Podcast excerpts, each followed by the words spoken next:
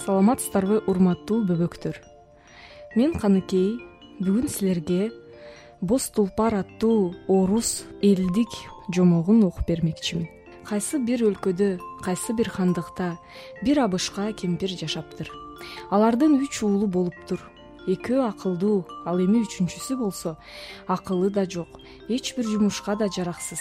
Ошондуктан аны иванушка келесоо деп аташчу абышка буудай айдайт. Буудайы абдан калың болуп чыгат. Бирок ал бир күнү эгин талаасынан аябай капалуу келет анткени кимдир бирөө буудайдын баарын тебелеп салыптыр.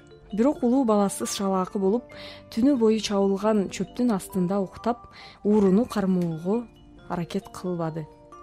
Экинчи түнү ортончу баласы кайтарууга дайындалды. Бирок ал дагы өзүн кыйнаган жок бадалдын астында уктап жатты эми эгинди кайтаруу кезеги иванушка келесоого келип жетти. Ал бир үзүм нан аркан алып эгин талаасына кетти. Бадалдардын арасына жашынып күтө баштады да ишинен алаксыбай нанын жеп отурду. Бир маалда күн күркүрөп чагылган жарк этти да укмуштуудай сымбаттуу алтын жалдуу боз тулпар пайда болуп буудайды туяктары менен тебелей баштады иван шамдагайлык кылып тулпардын мойнуна арканын салып минип алды да талааны тегеретип чуркай баштады. Чарчап калган тулпар кадимки адам баласындай эле сөз менен жалына баштады. Мени кое берчи иван мен сага чын дилим менен кызмат кылам. Эгер керек болуп калсам ай талаага чыгып бир кыйкырып бир ышкырып туруп айдан күндөн жаралган алтын жалдуу боз тулпар алдыма азыр туруп кал десең мен ошол замат алдыңа келип калам. Ошентип макулдашты да иван тулпарды кое берип үйүнө кетип калды. Ушул күндөн баштап буудайды эч ким тебелебей калды. Убакыт өтүп хан кызын акылман василисаны күйөөгө берем деп чечим чыгарганы жарыя болуп дүйнө жүзүнө тарайт.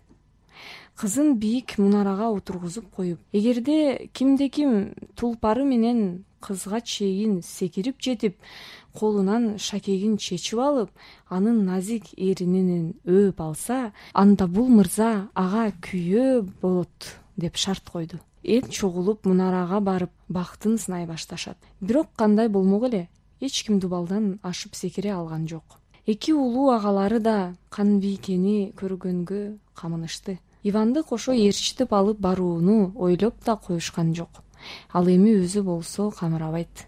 Ай талаага барып баатырдын күчү менен ышкырып баатырдын үнү менен кыйкырып ишенимдүү боз тулпарын чакырды. Көз ирмемдей эле жерди титиретип тулпар жетип келди.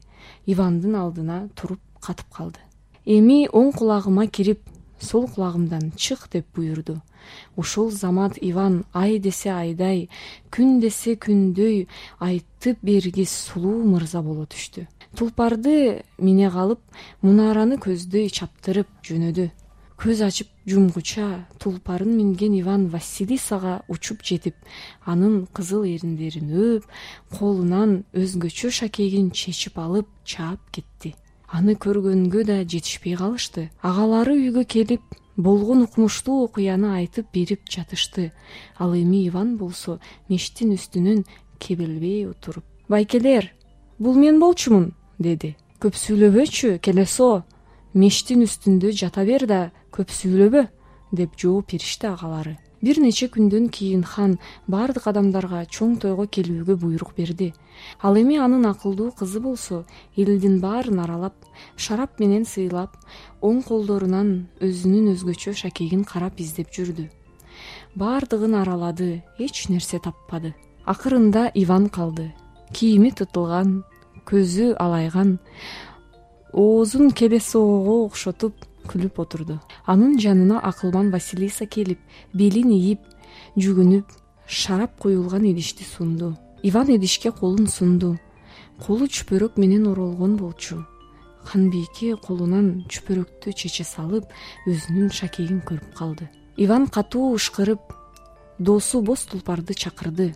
Оң кулагына кирип сол кулагынан чыгып укмуштуудай сулуу боло түштү эле канбийкенин оозу ачылды ошол замат ак жеңген тойдон үйлөнүү тойго өтүп кетишти. Жомокту окуп берген мен каныкей ырчы болдум.